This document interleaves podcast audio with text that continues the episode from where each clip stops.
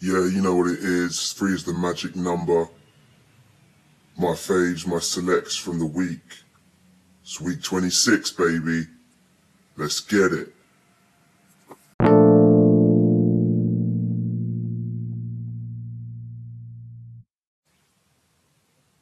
Three is the magic number. Brought to you by Farmington. Week 26 of 2018. First select is Freddie Gibbs taken from his self-entitled project. It's a big change from Freddie from the Pinata project with Madlib that dropped in 2014. Go check that if you don't already know about it. Get to know. I selected the track Automatic from the Freddie Gibbs album because it's the track that made me bob my head the hardest, made me drop my toast in my tea, spill my tea on my newspaper over breakfast. Shit was fucked up. Anyway, the album is massive. Go check it. It's definitely, definitely, definitely worth your time.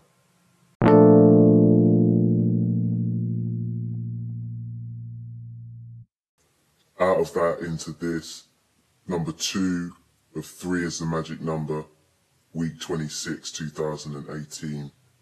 We got a 13 track project from Bisque.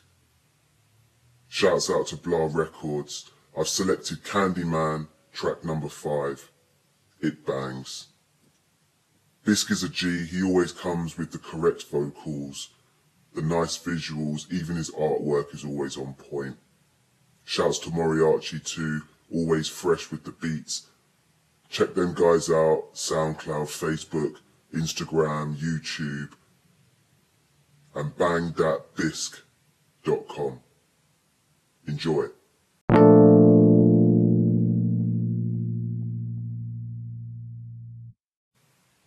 Hey yo, shouts to my man Ali A, Kingston Gang.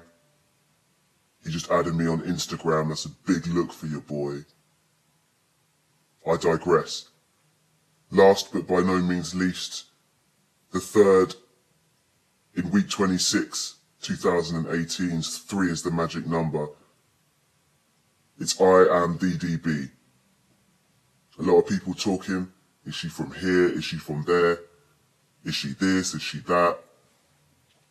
I don't care about any of that stuff. She's dope and she's here. Definitely on the come up. Her eight track project, Flight Mode Volume 4, is pretty dope.